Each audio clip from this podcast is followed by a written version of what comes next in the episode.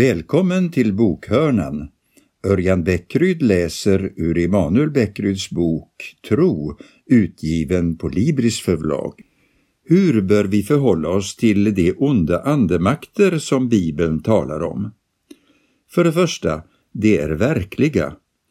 En kristen bör vara medveten om att djävulen och demonerna är verkliga och mäktiga fiender.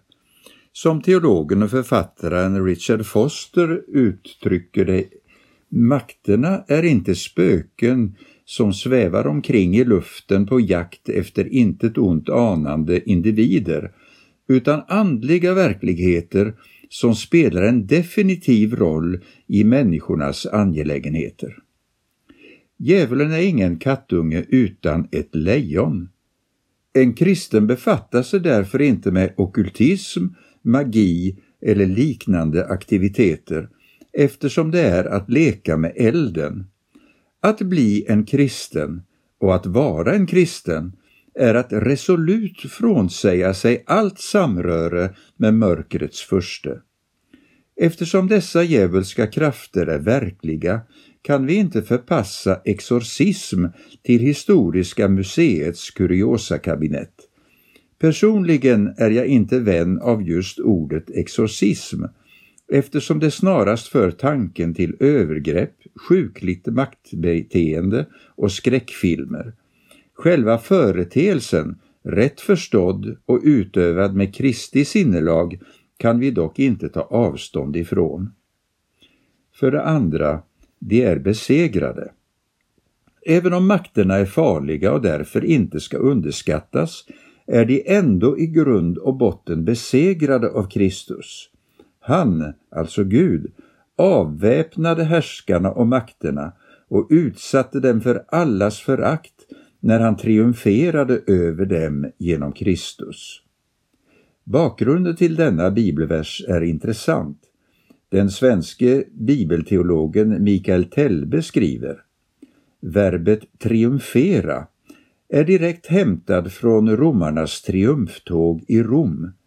När en general vunnit ett avgörande slag firades detta vid återvändande till Rom genom ett offentligt triumftåg genom stadens gator.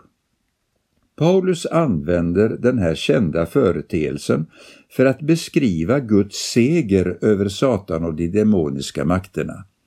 Kristus liknas vid den romerske generalen som segrande rider först och som i sitt triumftåg för med sig de avväpnade härskarna och makterna till allas förakt.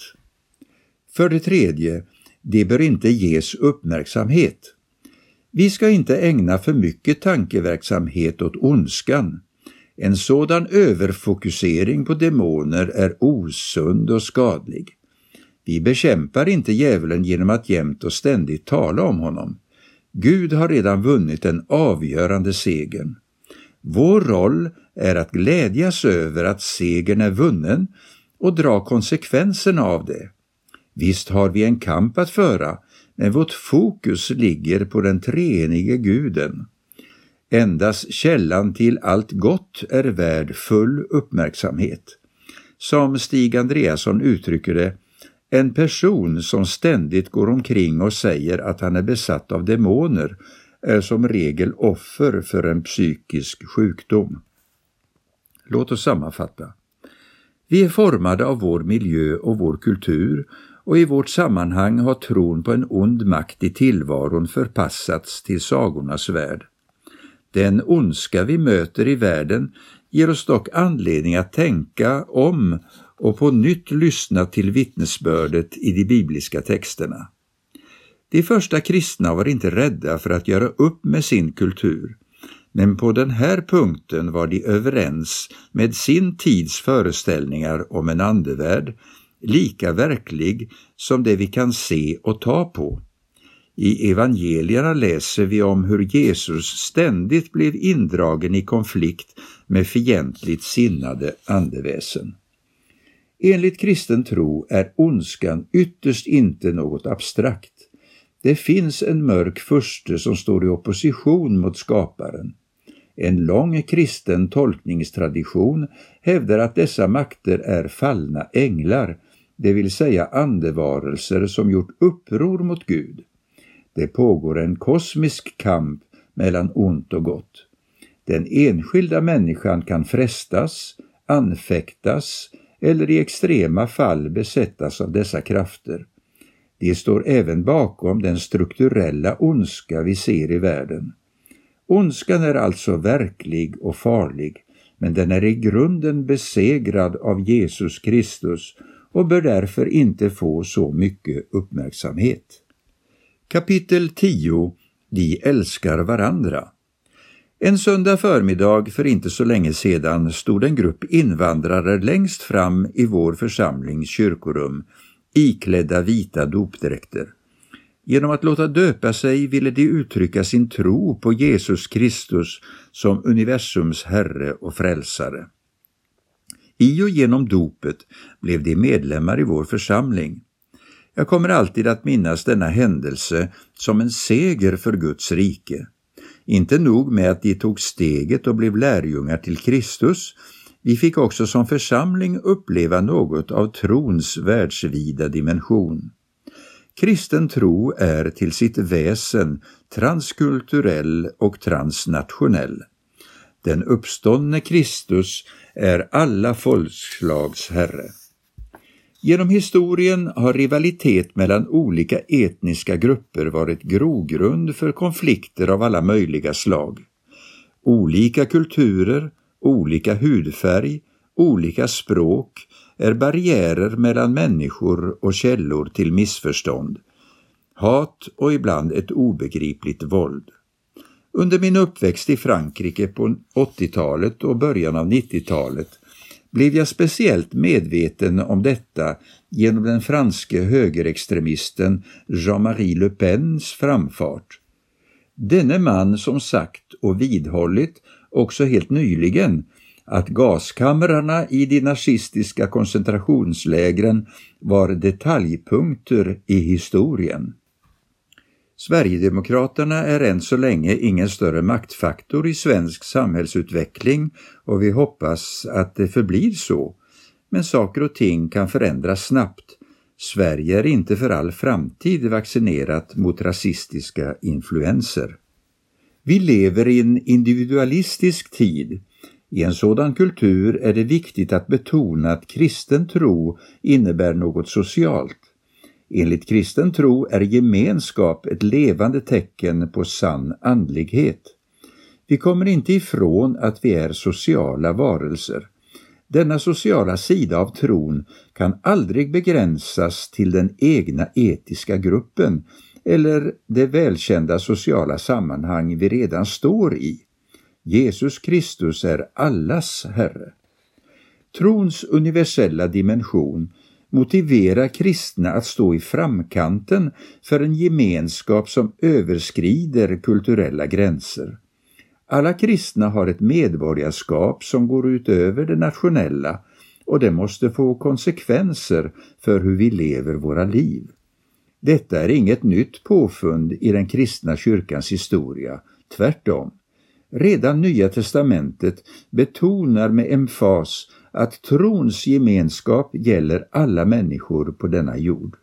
Och så tidigt i kyrkohistorien som på 100-talet beskriver Justinus martyren hur människor som tidigare inte kunde umgås på grund av kulturella skillnader nu lever tillsammans tack vare Kristus. Han betonar även att kristna som tidigare värdesatte rikedom och tillgångar nu delar allt och ger till de behövande. Det kristna livet är till sitt väsen solidariskt och gränsöverskridande. Ur det perspektivet uppfattar jag den amerikanske missionsforskaren Donald McGavrans teori om homogena enheter som en teologisk blunder. McGovern konstaterar att församlingar växer snabbast om de är homogena enheter, det vill säga om de består av människor av samma etnicitet eller social bakgrund. Slutsatsen av hans studier blir att församlingar bör organiseras på ett sådant sätt. Ur ett sådant perspektiv blir det kontraproduktivt att eftersträva multietniska församlingar, för då blir tillväxten mindre. McGovern upphöjer till norm den mänskliga svagheten och oförmågan att förstå evangeliets radikalitet.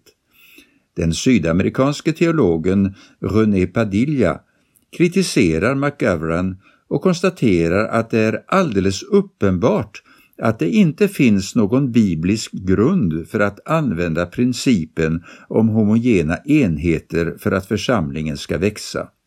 Vidare påpekar han att förespråkarna har tagit en sociologisk iakttagelse till utgångspunkt och utvecklat en missionsstrategi och först därefter har man a posteriori försökt finna bibliskt stöd för den. Principen om homogena enheter är ett exempel på dålig teologi. Kärlekens folk. Tron är personlig så tillvida att den måste vara förankrad i en egenupplevd verklighet. Någon annan kan inte tro i mitt ställe. Men det som är personligt behöver inte vara privat. Den kristna kyrkan är Guds nya folk, ett alternativt samhälle som förkroppsligar tron. Denna trosgemenskap har ett grundläggande ledmotiv, de kristnas kärlek till varandra. I vår samtid romantiseras och eh, erotiseras kärleken. Följaktligen sätter vi ofta likhetstecken mellan kärlek och starka känslor, rent av passion. När vi säger att kyrkan ska präglas av kärlek menar vi dock inte i första hand att den ska präglas av starka känslor. Känslor är inget ont, men de får inte definiera vad kärlek är. Som den judiske religionsfilosofen Martin Buber så insiktsfullt uttrycker det. Jesu känsla för den besatte är en annan än känslan för älsklingslärjungen. Men kärleken är en, känslor ägs, kärleken äger rum. Jesus är vårt exempel, inte i första hand för att han var en känslomänniska, även om han även verkar ha varit det, utan för att han alltid ville det goda för dem han mötte. Att älska är att aktivt ställa den andres behov i centrum. Därför kan kärlek enligt Bibeln definieras som ett döende. Aposteln Johannes skriver Genom att Jesus gav sitt liv för oss har vi lärt känna kärleken. Också vi är skyldiga att ge vårt liv för bröderna.